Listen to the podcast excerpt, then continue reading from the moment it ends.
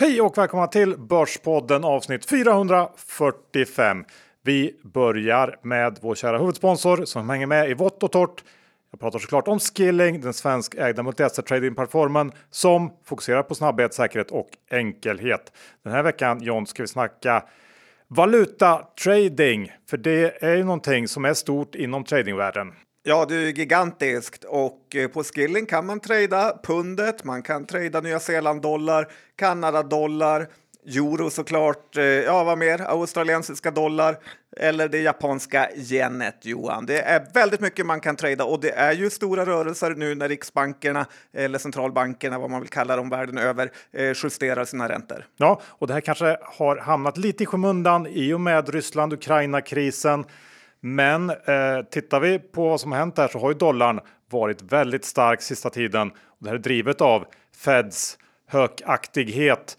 Och det är möjligt att vi närmar oss någon slags peak eh, när det gäller dollarn och att andra valutor relativt sett kan börja ta tillbaks eh, förlorad mark. Vi har ju till exempel Eh, ECB och euron. ECB väntas ju också höja, men eh, marknaden räknar med att det kommer gå mycket långsammare än till exempel vad Fed planerar att göra. Och eh, här är det möjligt att det finns en trade att göra om marknaden har fel. Så ni som är intresserade av valutatrading ska absolut kika på Skillings erbjudande som är väldigt, väldigt bra. Och eh, vi har sagt det förut, Skilling har en fantastiskt fin kundservice. De har alla licenser, de är reglerade och eh, ja, har man inte öppnat ett konto så tycker vi att det bara är att göra det.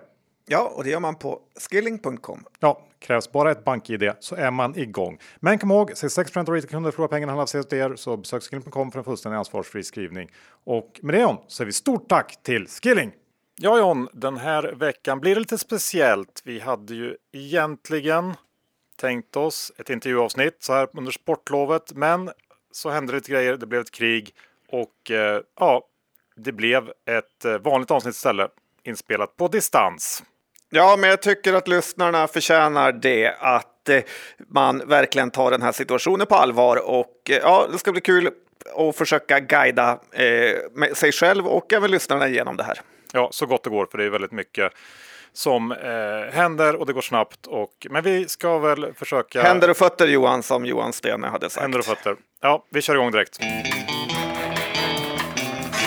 Johan, Dr. Bass Isaksson index är i 2100 eller strax därunder och det är ju väldigt eh, spännande och farliga tider på börsen. Kan du inte navigera oss igenom det här lite grann? Trots att eh, eh, på många sätt känns som en helt annan värld nu jämfört med en vecka sedan så är ju börsen eh, bara marginellt ner, ett par procent kanske, även om det eh, har varit dramatiska intradagsrörelser. Och så här kommer det väl antagligen fortsätta att vara under den närmsta tiden tror jag. Den, här, den kortsiktiga utvecklingen kommer att påverkas av nyhetsflödet och eh, jag har svårt att komma med sådär supermycket smarta tankar kring börsen just nu. Händelseutvecklingen kan snabbt ta oväntade vändningar och eh, jag tror att det generellt kanske är dumt att försöka vara så här översmart och göra massa förändringar i portföljen baserat på vad som sker här och nu. Eh, sen får man säga att det geopolitiska läget det är ju förändrat för en ganska lång tid framöver och antagligen energimarknaden också. Sen vet man ju inte hur kommer sanktionerna slå? Hur blir det med andra långsiktiga följdeffekter och eh, kan det här få centralbankerna att eh, svänga om när det gäller räntehöjningar och eh, andra åtstramningar?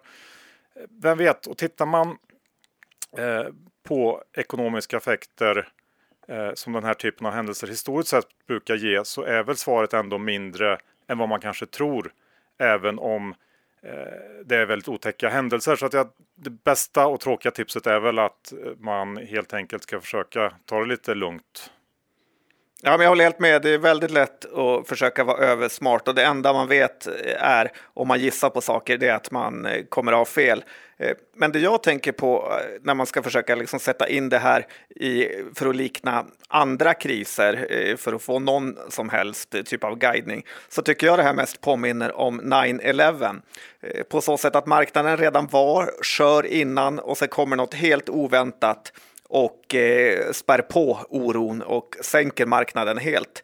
Och visst så känns det tungt och svart eh, just nu, men det brukar ju alltid vara köpläge då och eh, det var det då. Jag tror det är samma nu. Såklart kan börsen sjunka med ytterligare 20 procent, eh, men då är det nog förmodligen bara ännu mer köpläge. Eh, för såklart är börsen i en svacka efter en sån här händelse, eh, men det tillhör ju inte det normala, så självklart är det ju enligt mig då en rabatt på börsen nu, även om det känns eh, osäkert jag eh, håller väl med i stort där. Någonting jag eh, i alla fall har tänkt på. Eh, det är ett gäng som jag tror eller tycker har en del att fundera på efter det här. Det är ESG-maffian. För vi har ju flera år pratat eh, i podden om det idiotiska att inte investera i Saab utifrån ett ESG-perspektiv. Sista veckan här har det stått klart för alla varför. Eh, vad är egentligen mer ESG än att kunna försvara sig? Det är ju enkelt att säga att vapen är dåligt, men det är också first level. Ukraina är ju nu i ett stort behov av till exempel Saabs eh, antitankvapen. NLAW eh, tror jag det heter. Vi har sett på Twitter mycket hur de eh, efterfrågar det. Och eh, jag har ju svårt att tänka mig någonting som är mer ESG än att investera i Saab för att se till att länder som Ukraina kan försvara sig eh, mot eh, länder som Ryssland. Och sen så har vi också lite på samma spår den här huvudlösa nedmonteringen av kärnkraften i Sverige och resten av Europa. Också den pådriven av ESG-hets. Och även här har vi extremt mycket first level-tänkande. Att göra sig beroende av rysk gas och olja fanns det tydligen inga som helst problem med, bara den onda kärnkraften försvann. Och var fanns eh, analysen inom det här området? Eftertänksamheten? ESG framstår, tycker jag, mer och mer som ett område med ganska stora problem som man måste gå till grunden med. För det är enorma summor som varje år investeras med de här ESG-riktlinjerna som någon slags beslutsunderlag. Och det formar ju faktiskt den värld vi lever i, eh, vilket vi ser nu. Och eh, jag tycker att eh, vi kan inte fortsätta vara så här naiva kring det här ämnet. Eh, så det här eh, hoppas jag att man eh, tar tag i när den här krisen på något sätt är löst. Ja, men där har du verkligen rätt och det är många som har gjort bort sig och borde skämmas. Jag tänkte också på det när jag läste Andreas Cervenka som sågade det svenska hållbarhetstänket hos börsbolagen, bland annat H&M att de har sina butiker öppna i Ryssland men stängda i Ukraina. Eh, han menar då att om de är allvarliga med det här hållbarhetstänket så borde alla butiker stängas i Ryssland, även om det kostar eh, pengar. Och här tycker jag igen hur det återigen visar sig hur lätt det är att vara journalist och bara tycka grejer och klaga. Eh, för att jag kan tänka mig själv att det inte är jättelätt att på bara några timmar besluta sig för vad man ska göra i sådana här situationer i jätteländer. Att eh, butikerna i Kiev är stängda är ju inte jättekonstigt kan man tycka. Och eh, man borde kunna ge svenska bolag någon vecka på sig och samla sig och tänka igenom och bestämma sig för vad de ska göra än att bara tycka i princip att det är deras fel att det är krig. Ja, jag håller med och det, det är ju väldigt lätt att eh, göra förhastade saker baserat på de här infallen man får. Eh, så att jag håller med, man, eh, man ska tänka igenom saker ordentligt i sådana här lägen. Ehm, vi går över till den inhemska marknaden John eh, och jag tänker på FI som måste styra upp någonting. Ja, men faktiskt. Deras insynsregister måste de verkligen ta och titta till. För det är så sloppy nu att det är löjligt. Eh, man förvånas över alla som vill att eh, staten ska sköta allt, typ skolan, vården, apoteken, eh, när de inte klarar av de enklaste sakerna. I Finansinspektionens insynsregister, där ska man kunna söka på om så kallade insiders har köpt eller sålt aktier i bolagen de är aktiva i. Och det är ganska viktig information kan man tycka. Men deras register är en enda röra. Till exempel Mekonomen har tre olika Mekonomen registrerade sig på sig där insynspersonerna inte verkar veta vilka de ska välja för de hamnar eh, på olika bolag och eh, svårt att söka.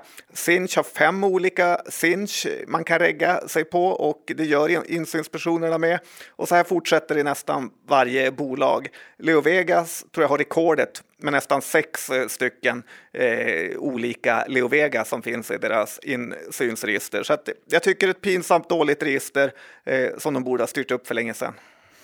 Ja, det där eh, låter verkligen som att det behöver styras upp. Eh, något annat som kanske borde styras upp John, det är Årets ledare. Du vet den här utmärkelsen som Affärsvärlden varje år delar ut till då en person som har uppvisat ett enastående ledarskap inom näringsliv eller förvaltning. Eh, du var väl på senaste prisutdelningen? Var det inte det? Ja, och på den näst senaste med. Mm. Kul! Och jag undrar om det här inte börjar bli en modern variant av Årets svensk. Eh, för några år sedan när eh, det här priset delades ut så blev det ju rejält fel.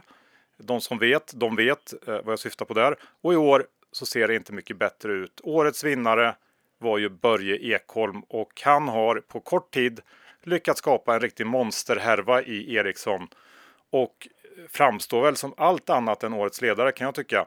För Börje, han är helt osynlig. Ett halvkryptiskt pressmeddelande skickades ut för några veckor sedan och efter det så har det varit knäpptyst från både Börje och Ericsson. Ehm, aktien är fritt fall, ner nästan 30% på två veckor och Börje verkar helt obrydd. Om man räknar i antal miljarder som han har kostat aktieägarna under den här perioden så vore det kanske årets sämsta ledare, ett mer passande pris. eller kanske årets osynligaste ledare. Eh, jag tycker det är ofattbart att bolaget inte agerar på något som helst sätt i den här situationen. Ja, han kanske kan få båda priserna faktiskt, men Nej, Ericsson har inte rattat det här bra och att de själv låtsas eh, som att de har gått ut med den här informationen verkar ju inte heller stämma då eh, tidningarna har varit på dem långt innan och eh, sen tvingat dem själva att i princip gå ut med det här. Så att eh, nej, årets ledare har lite grejer att ta tag i kan man tycka. Man kan ju tycka att någonstans borde de börja vilja försvara sig eller argumentera för sin sak. Jag vet inte, men det är knäpptyst. Han kanske vill köpa billigt. Ja, men det är också en strategi. Ehm, det är slut på OS, John, men vi har istället fått ett eh, VM. Ja, faktiskt. Eh, Präktpojke-VM har dragit igång på finanstwitter parallellt med eh, kriget i Ukraina här. Och det är ju stenhård konkurrens om vem på finanstwitter som kan skriva de mest godhjärtliga tweetsen, Eh, men som verkar ha främsta syfte att reflektera vilken god människa man själv är. Och eh, när präktpojkarna får svar på om hur viktigt budskap eh, de kommer med så måste de svara att det inte är något synd om dem utan att det här är det minsta de kan göra. Jag hade inte haft några problem med det här vanligtvis, men när jag vet att just de här präktpojkarna är till 100% fullblodsegoister så stör det mig ganska mycket. Ja, men tack för det referatet ifrån Präktpojke-VM. Eh, vi byter spår igen och kastar oss över till orderböckerna på börsen. Ja, för att jag vill verkligen eh, påpeka nu att man inte får luras av orderboken i det enskilda bolaget och inte heller av dolda ordrar. För nu när det verkligen är varannandagsbörs så styrs allting av eh, flöden. Eh, när aktiemäklarna på morgonen kollar med sina kunder vad de vill göra eh, så beror det mycket på vad fondspararna gör. Så att framförallt i mindre bolag kan det krylla av säljare ena dagen för att vara helt borta eh, säljtrycket nästa dag eh, hos fonderna eller att det har helt minskat eh, för att de har löst sin likviditetsposition genom att sälja något annat eh, innehav. Så att eh, man får inte läsa in för mycket i orderböckerna och jag tycker heller att man inte ska läsa in för mycket i de här stora fall vi har sett i de mest likvida aktierna, typ H&M. För jag tror det beror på att många fonder har de här aktierna som nästan en eh, kassa Eh, vi har hört hur till exempel TIN-fonder har ju tidigare berättat att de kör Novo Nordisk nästan som en kassaposition. Att när fonderna då får utflöden så vet man att det finns likviditet i de aktierna och då kan man sälja den. Eh, så konstigt nog drabbas både de eh, mest och de minst likvida aktierna hårdast i sådana här stora nedgångar.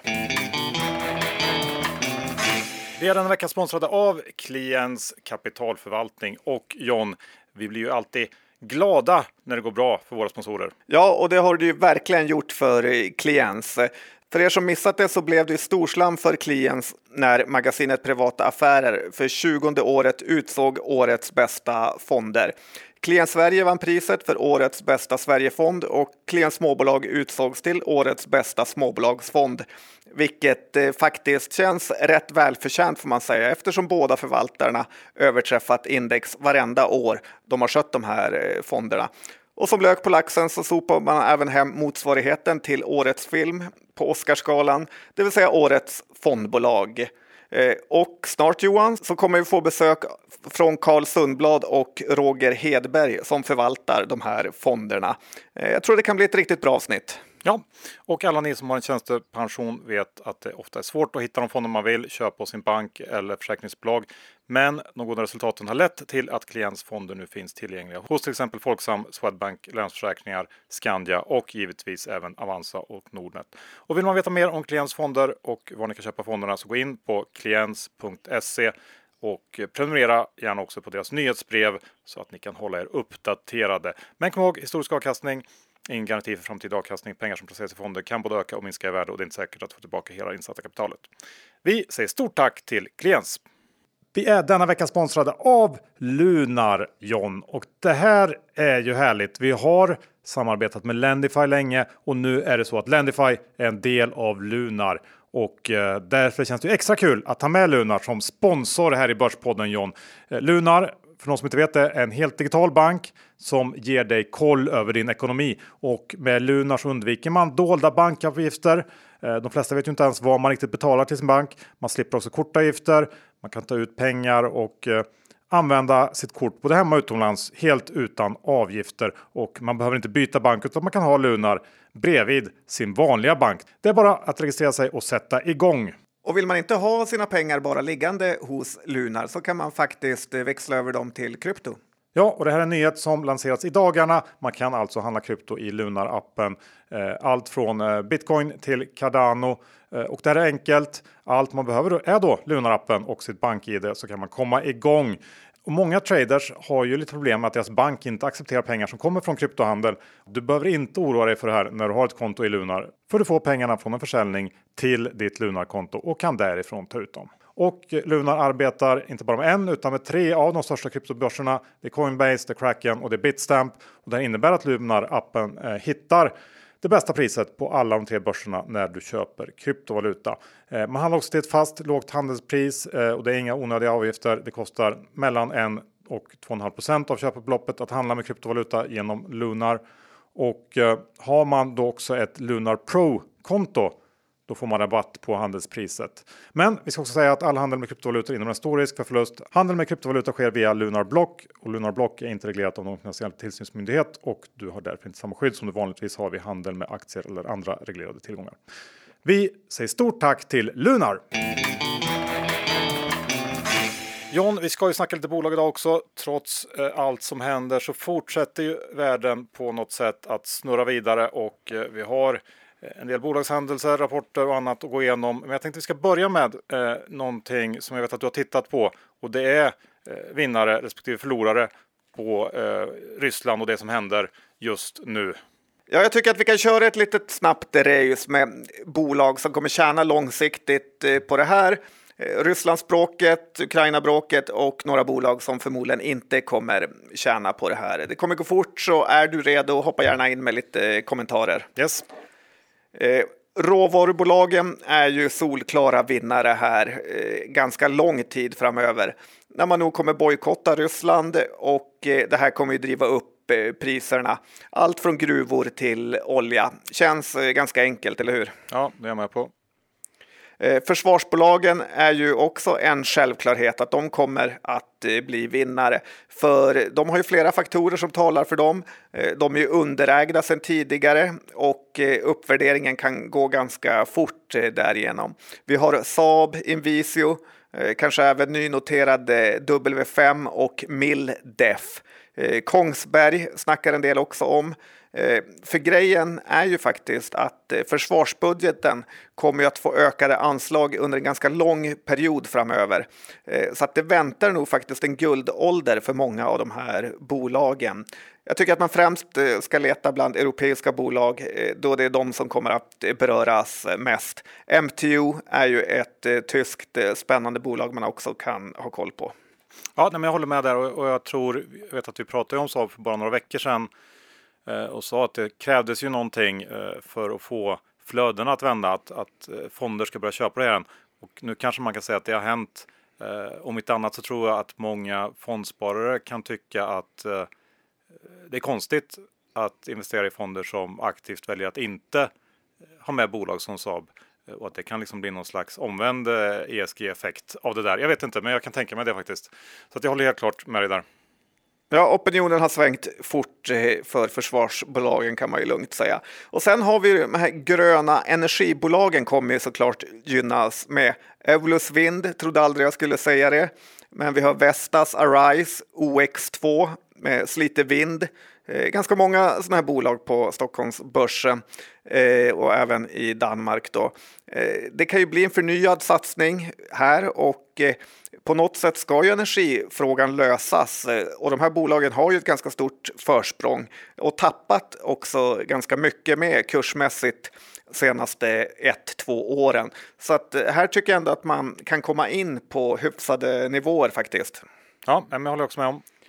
Och sen Nibe eh, känns ju också som ett självklart val här att eh, ju högre energipriserna blir i alla dess former som el, olja, gas Eh, så blir man ju mer sugen på värmepumpar och det kommer ju gynna Nibe. Möjligt att även deras den här stove-delen, alltså öppna spis, eh, som det väl heter på svenska, även fast det inte är öppna spisar, också kommer få ett uppsving då man vill ha någon typ av backup energikälla. Så att eh, eh Nibe har ju också tappat mycket men kan stå för ett kommande uppsving. Mm. Sen tycker jag att man inte heller ska glömma bort bunkringsbolagen, Johan typ Essity Axfood. Det är ju eh, mycket nu i nyheterna om att eh, eh, Eh, folk har handlat på sig diverse grejer och att det är slut med mediciner eh, och så vidare och slut med jod. Så att jag tror ändå att vi kan ha en eh, som vi, liknande period som vi hade under corona, att det faktiskt är en liten bunkringsperiod och det kan gynna Essity och Axfood som sagt. Jag vill också skicka in en liten joker i leken. Har du någon aning om vad det kan vara? Uh, nej, jag har faktiskt inte det. Nej, men det är faktiskt tobaksbolagen. Ingen har ju gjort det coolare än ukrainare än att röka eh, den senaste tiden här. Det verkar ju som att precis alla röker. Soldaterna har alltid en cigg i munnen, civila röker jämt och jag tror det här kanske skulle kunna få med sig en liten coolhetstrend och börja röka igen. Ja, den eh, var en joker kan man säga. Du är aldrig för ung för att börja som de brukar Nej, säga. Ja, men bra, då har vi den sidan. Eh, nu går vi över till förlorarna tycker jag. Ja, men det här är också några ganska självklara och eh, börsen är ju så otroligt snabb på att ta ut sånt här. Så att det är nästan så att man kanske ska börja eh, leta ingångslägen istället för att sälja bort dem nu. Men Nokian Tires, som alla känner till, det här finska däckbolaget som säljer mycket i Ryssland och jag för mig också att de har fabriker i Ukraina. de ja, mycket, har ju inte... mycket fabriker i Ryssland också. Ja, de har ju inte en drömsits direkt. Eh, bolagen har ju fullständigt eh, blivit mosad på börsen här och eh, frågan är väl om man ska leta efter en entry point. Samtidigt så är det svårt att liksom få mer motvind än vad Nokian Tires har. Samtidigt är det lite rätt åt dem eftersom de har satsat så ensidigt på lågkostnadsländer. Ja, men absolut en tuff situation. De fick ju dra tillbaka sin guidance här i veckan och det har varit fritt fall på den aktien. Eh, tufft läge såklart för Nokian Tires som, eh, ja, jag tror de har 20% av omsättningen i Ryssland men dessutom då massa produktion där, eh, massa anställda och eh, ja, tufft läge. Sen eh, finska börsen generellt är väl ganska hårt drabbad kan jag tänka mig. Eh, vi har ju bolag som Finnair som bygger mycket av sin trafik på att kunna flyga över Ryssland. Det går inte längre. Ehm, ja, många sådana effekter. Nej, man kanske får köpa Finlands färjebolagen igen. Ja. Eh, men H&M är ett annat bolag som har det tufft just nu på börsen. För Ryssland skulle ju vara lite av en tillväxtmarknad för H&M. Men nu lutar det väl kanske mer åt total nedstängning och nedskrivning. Eh, och att man vet ju att H&M har ju gång på gång spelat ut den här godhetsstämpeln så att eh, jag tror man nog kommer ganska, agera ganska kraftfullt mot Ryssland här om man ger dem lite eh, tid. Det är ingen jättemarknad för H&M ändå, 6 miljarder såg jag 2020. Så att det skulle kunna vara en överreaktion som börsen just nu håller på med. Mm. Och slutligen då kanske det sämsta bolaget som man kan äga är ju Ferronordic här. Eh, som väl numera känns nästan som ett dött bolag eh, och aktien har ju såklart tappat en hel del med. Eh, de säljer ju och servar Volvo-lastbilar och Volvo så här, tunga fordon i Ryssland som står för 70 procent av omsättningen. Och eh, ja, det går ju knappt att hitta något eh, sämre just nu. Frågan är ju hur ledningen löser det här, men det känns som att hela affärsidén är knäckt. Och eh, ja, man kanske inte ens kan få ut sina pengar man har där eller fordonen och varulagret ur Ryssland samtidigt som man förmodligen har sina skulder och är skyldig sina leverantörer pengar i dollar här. Jag tycker att bolaget, om du ändå var inne på att dissa Börje, borde nästan prata ut för att läget är så oklart just nu att aktien i princip eh, borde handelsstoppas. Att eh, då ledningen istället håller på att trada i sin egen aktie eh, är ju nästan äckligt när resten av marknaden famlar helt i blindo här. Borde nästan kunna leda till insideråtal kan jag tycka. Ja, jag lade också märke till de här transaktionerna. Det var märkligt. Jag håller med. Och de borde snacka. Eh, bra, men tack för den genomgången John. Eh, tycker att det var vettiga synpunkter och eh, jag går över till en rapport som kom för någon vecka sedan. Jag tänker på Carium, Doros lilla avknoppning. Det här är en aktie som har havererat totalt och de släppte då sin första delårsrapport här nyligen och tyvärr framkom det då att man har drabbats av problem i UK. Tittar man totalt på omsättningen så var det inga problem. Eh, eller fel, men man har stött på patrull när det gäller integrationen av förvärv i UK och eh, tvingats köra igång ett omstruktureringsprogram. Det här eh, har belastat resultatet rejält och det kommer att tynga under, ja, åtminstone det första halvåret i år. Och eh, tittar man på balansräkningen så har Carium också en nettoskuld som begränsar lite grann rörelsefriheten. Eh, så de måste till ordna upp det här eh, så fort som möjligt helt enkelt för den som gillar bolaget så skulle det eh, här eh, förhoppningsvis tillfälliga problemet och eh, kursvackan kunna vara ett bra läge. Eh, problemet är väl att så mycket annat också gått ner nu på slutet så suget minskar ju lite grann eh, kan jag känna eh, på grund av det. Och det är aldrig roligt när, om vi nu ska säga att det här är ett förvärvsbolag, men när förvärvsbolag får problem med förvärven, det är ju börsen lite rädd för. Ja, men så är det verkligen. Och eh, den här avknoppningstrenden som jag har dissat i tre år har ju verkligen visat sig här eh, vara en, eh, ja, ett fiasko. Eh, för do, man får väl säga att eh, ja, Carrion som du sa eh, tidigare var en del av Doro. Men här har ju ett plus ett blivit ett och ett halvt. Eh, vid avknoppningen så stod ju Doro-aktien i 64 och eh, nu när man räknar samman eh, Doro och Carium så eh, får man fram ett värde på 45 kronor istället. Eh, Doro är väl kring 26 och Carium eh, just under 18 här så att äh, riktig flopp blev det. Känns nästan som att de här problemen också varit lite kända bland investerarna för att i princip från dag ett så har det ju varit ett ganska stort eh, säljtryck på Carium. Eh, så att eh, lite eh, oroväckande det. Och dessutom får jag också, tycker jag också att eh, det är eh, pinsamt hur insiders i Carium köper aktier. De kan köpa 5 000, de kan köpa 1000 aktier. Det är liksom ingenting. Här vill man se dem ta i på riktigt Eh, för att visa att de verkligen tror på bolaget. Men hittills har Carrion varit en riktigt, riktigt stor flopp. Så är det. Så då eh, går vi över till någonting som inte har varit en flopp eh, och jag tänker då på det bolag som hela Sveriges headcoach coachar. Jajamän, eh, det är vår egen headcoach och han visade ju vilken legend han var när Björn Borg levererade en kanonrapport och aktien gick upp 17 eh, procent. Kul alla på Instagram som har skrivit att ni också hade tagit rygg på den rapporttraden. Eh, är du, hur känns det nu för dig Johan? Ja, det känns inte så bra.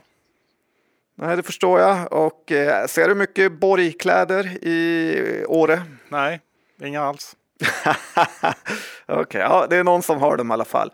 Eh, men det var ju en jättefin rapport och eh, om man ska säga något negativt eh, som jag ändå tycker är lite väl oroväckande är ju att det kalsongförsäljningen som är den totalt dominerande eh, delen i Borg och att den till och med växte jämfört med förra året. Kallingarna står nu för 67 procent av försäljningen jämfört med 63 procent eh, för ett år sedan. Och det går ju lite emot hela den här känslan av att vara ett framgångsrikt eh, sportklädbolag eh, eh, när det är kallingarna som eh, står för den stora delen. Och jag kan verkligen också tänka mig att marginalerna på eh, ett par kalsonger är väldigt Eh, hög. Undra om det inte är lite hänförligt också till Messi som i höstas eh, körde mycket sådana här eh, borgkallingar och att de kanske fick lite gratis reklam på det. Frågan är också om det kan bli bättre härifrån. Jag har faktiskt sålt mina aktier nu efter rapporten. De skulle kunna ligga kvar, men jag tycker lite som med Carrion här att det finns så mycket som är billigt och att eh, det är roligare att ha de pengarna i, ja, köpa något som har kraschat än Borg som har gått eh, väldigt bra faktiskt. Så att, eh, bra rapport av Bunge, men nu är det tack och hej för mig. Ja, men eh, det var snyggt gjort. Jag tror också att eh, mesta är taget där. Eh, lite på samma tema så har vi ju norska XXL. Det var ett tag sedan vi eh, pratade om dem. Och eh, det här är en aktie som haft det riktigt tufft sista året. Tappat runt 40 procent trots eh, helt okej okay rapporter. Eh, och Q4 som kom för några veckor sedan, den var bättre än väntat. XXL tar faktiskt marknadsandelar och eh, de har också fått upp bruttomarginalen och resultatet kom in långt över förväntningarna. Sen så ska det väl sägas att försäljningen i januari här minskar med 20 jämfört med förra året.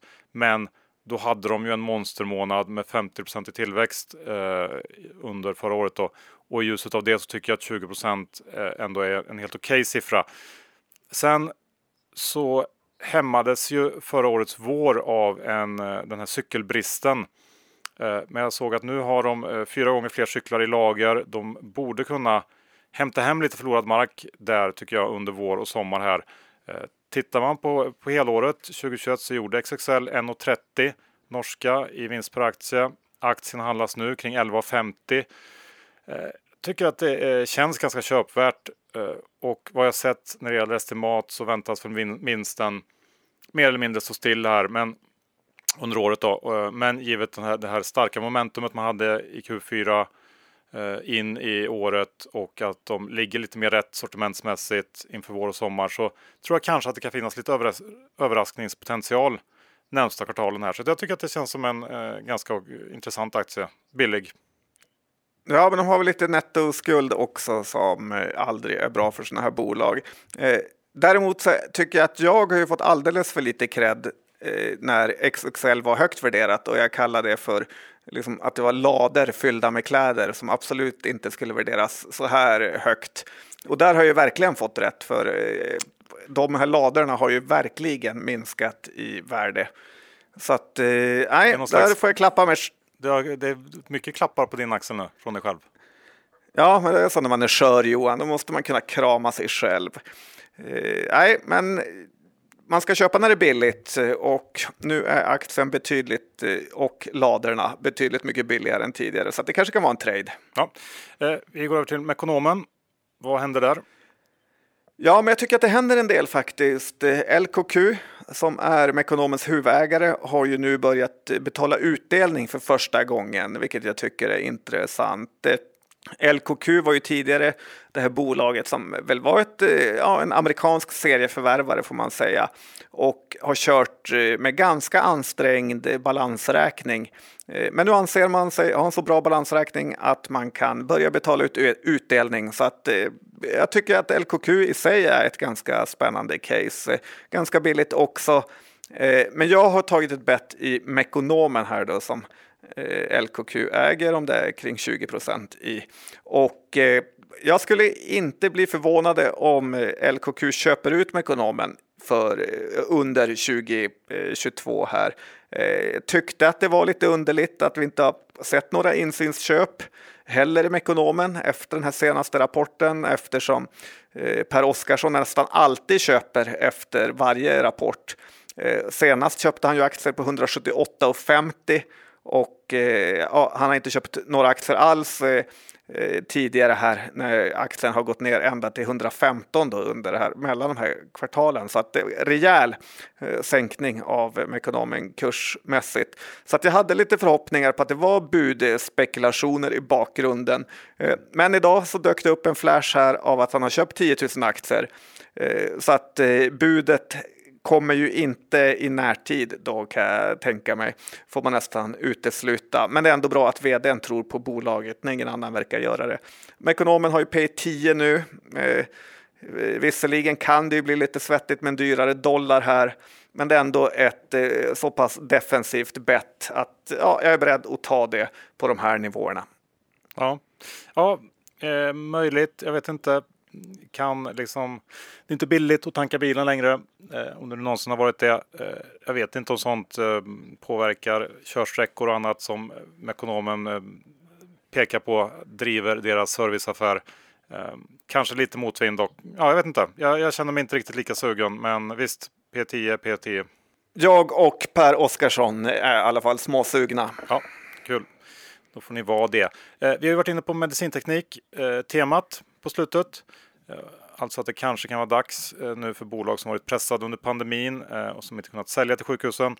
Och på det temat har vi Research som rapporterar här, var det förra veckan tror jag. Och var det en vändning vi äntligen fick se här? Research rapporterar ju lite bättre tillväxt och om man justerar för en del engångsposter på kostnadssidan, bland annat att man tog flytten av huvudkontoret här under kvartalet, så såg resultatet också ganska okej okay ut. Men det som framför allt eh, stack ut var ju den oväntat starka orderingången som steg med 44 procent eh, upp till eh, den högsta kvartalssiffran någonsin faktiskt och Research guida också för att eh, kostnaderna ska vara oförändrade under året jämfört med 2021. Eh, och den här aktien är ju så totalt utbombad nu att det krävs inte så mycket för ett större lyft. Eh, och givet vad man visar här i rapporten så tycker jag ändå att oddsen ser bättre ut än på länge nu.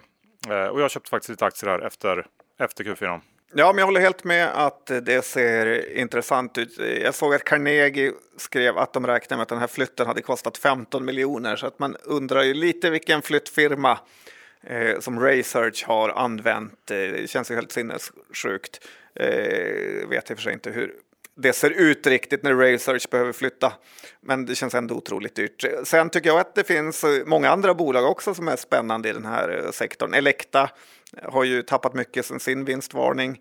Eh, Sera, det är ett annat kvalitetsbolag här som eh, har kommit ner en hel del också efter sin jättefina rapport som jag har köpt lite i med. Så att jag tror verkligen på att vi kan få se en lite rekyl. Den här vårdskulden ska betas av. Ja, det borde vara en relativt trygg sektor också i dessa dagar. Eh, sen har du tittat på två relativt nynoterade bolag. Profoto är ett av dem och Norva 24. Eh, lite märkligt namn, men det är det andra. Ja, det är konstigt kan man tycka för en slamsugare. Men om vi börjar med Profoto då.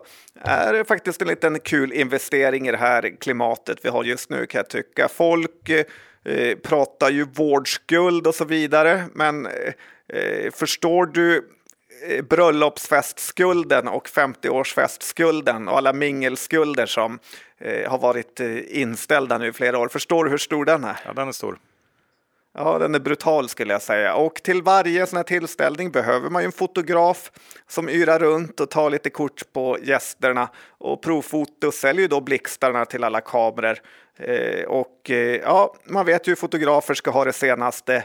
Och det är möjligt också att deras grejer hunnit bli lite gamla under den här tiden som har gått. Då, så att vi kanske står inför ett rejält uppsving av eh, och för provfoto här. Eh, det känns inte som att det kan bli mycket sämre i alla fall. Eh, sen pratas det också om att man använder deras grejer för när, onlineförsäljning, alltså webbutiker och sånt, när de fotar sina grejer och vill ha bra bilder. Och Profoto är ett relativt nytt bolag på börsen eh, som vi inte brukar gilla. Eh, men de är helt skuldfria. De ska börja ge utdelning nu och verkar ha stabila ägare. Så att eh, det här är ju lite av ett så kallat dolt återöppningscase som jag tycker man ska ha koll på. Ja, men kul, kul case. Jag har inte tänkt på det alls eh, på länge. Så att, eh, bra att du tog upp det. Och sen har vi då slamsugarna. Hur går det för dem? Ja, Ja, men de går det inte lika bra för. Eh, det är ju, kom ju på börsen via Carnegie här som inte haft några som helst eh, spärrar på lura på svenska småsparare massa, ja får man säga skitaktier Johan? Får man det? Ja, får man. Det får man. Ja, men eh, den gick in på börsen på 34 har jag för mig och nu står den i ungefär 25 kronor eh, och kom med sin rapport här i måndags eh, som ändå var helt okej. Okay. Eh, Norva är ju en serieförvärvare inom den här sektorn och jobbar då i hela Europa. Stora i Tyskland och eh, ja, men ett sådant bolag som jag skulle vilja ha bättre koll på Eh, för att jag gillar det i grund och botten. Tyvärr känns tajmingen inte riktigt helt rätt eh, i och med att de just kommit till börsen, visat eh, svaghet, har en hyfsat stor nettoskuld och sen får man inte glömma bort att de är norska heller. Eh, och där har man ju gått på en och annan härva under åren, särskilt sådana som kör runt i stora lastbilar, alla jo. Ren och Norden faktiskt. Yes. Att, Exakt. Det känner vi till. Ja. och och eh, sen undrar man också hur de här kontrakten ser ut. Om det är upphandlingar som gör att de bara kan bli av med vissa delar. Eh, sånt gillar man ju inte. Eh, för just nu litar man ju 0% på eh, korpfirmorna som har satt den här typen av bolag på eh, börsen. Så att eh, det är bättre att passa för tillfället och återuppta bevakningen när det har lugnat ner sig och man kanske fått se ytterligare någon rapport. Ja, men ändå ett eh, spännande bolag att ha på bevakningslistan. Jag tänkte avsluta John med AQ, eh, den gamla verkstadsfavoriten som faktiskt haft det ganska kämpigt på börsen i år, eh, ner 25 procent. Eh, här undrar jag också om eh, det inte börjar närma sig lite köplägen då. Eh, Q4 var faktiskt ganska okej. Okay. Det var stark tillväxt, 20 procent. Litet resultattapp jämfört med förra året, men då har ju bolaget precis som alla andra drabbats av högre priser på allt möjligt, råvaror, komponenter och så vidare. Eh, men som de själva skriver, de har en viss eftersläpning här i överföringen av de här prisförändringarna till sina kunder. Så jag tror att de kan liksom komma tillbaks här. Ehm, sen skriver eh, AQ lite grann i eh, sin bokslutskommuniké om vad som har hänt som gick till börsen. Och, AQ har faktiskt ökat vinst per aktie med i snitt 16% per år de sista 10 åren. De har redovisat lönsamhet 112 kvartal i rad. Eh, aktien handlas i 260 ungefär nu. De gjorde 20 spänn i vinst per aktie förra året. Jag tycker att det känns ganska billigt för ett sånt här fint bolag och eh, lite kul också att de delar ut 3 kronor och 33 öre per aktie i år, vilket är samma belopp som teckningskursen låg på när de noterade sig 2001. Där har de tänkt en och två gånger innan de bestämde sig för det. Slut på avsnitt 445. Vi ska väl säga att vi spelar in det här på tisdags eftermiddagen om det skulle hända någon tokighet eh, innan det här släpps. För det kan det ju mycket väl göra. Hoppas vi inte. Ja, så får vi också säga. Men, men vi ska också säga att eh, eh tack till eh, Skilling som är vår huvudsponsor. Öppna konto där om ni inte redan har gjort det. Det är enkelt. BankID är det som krävs. Svensk kundtjänst finns. Men kom ihåg 66 av retailkunder får pengarna de handlar CFD så besök för en ansvarsfri skrivning. Hur är det med innehav idag John? Ja, men det är ganska mycket som det brukar vara när börsen har gått ner. Det är Evolusvin, det är Nibe, eh, det är Mekonomen, det är Saab. Eh, ja, vi har lite H&M. Eh, lite Carium, lite Ericsson. Ja, men det är lite smått och gott sådär. Ja, Ericsson har också, Saab har vi ju också i BP-portföljen. Ehm, I övrigt tror jag att det var ganska lugnt för min del. Uh, bra! Ja, med det tackar vi för oss och hörs om en vecka igen. Ja, det gör vi.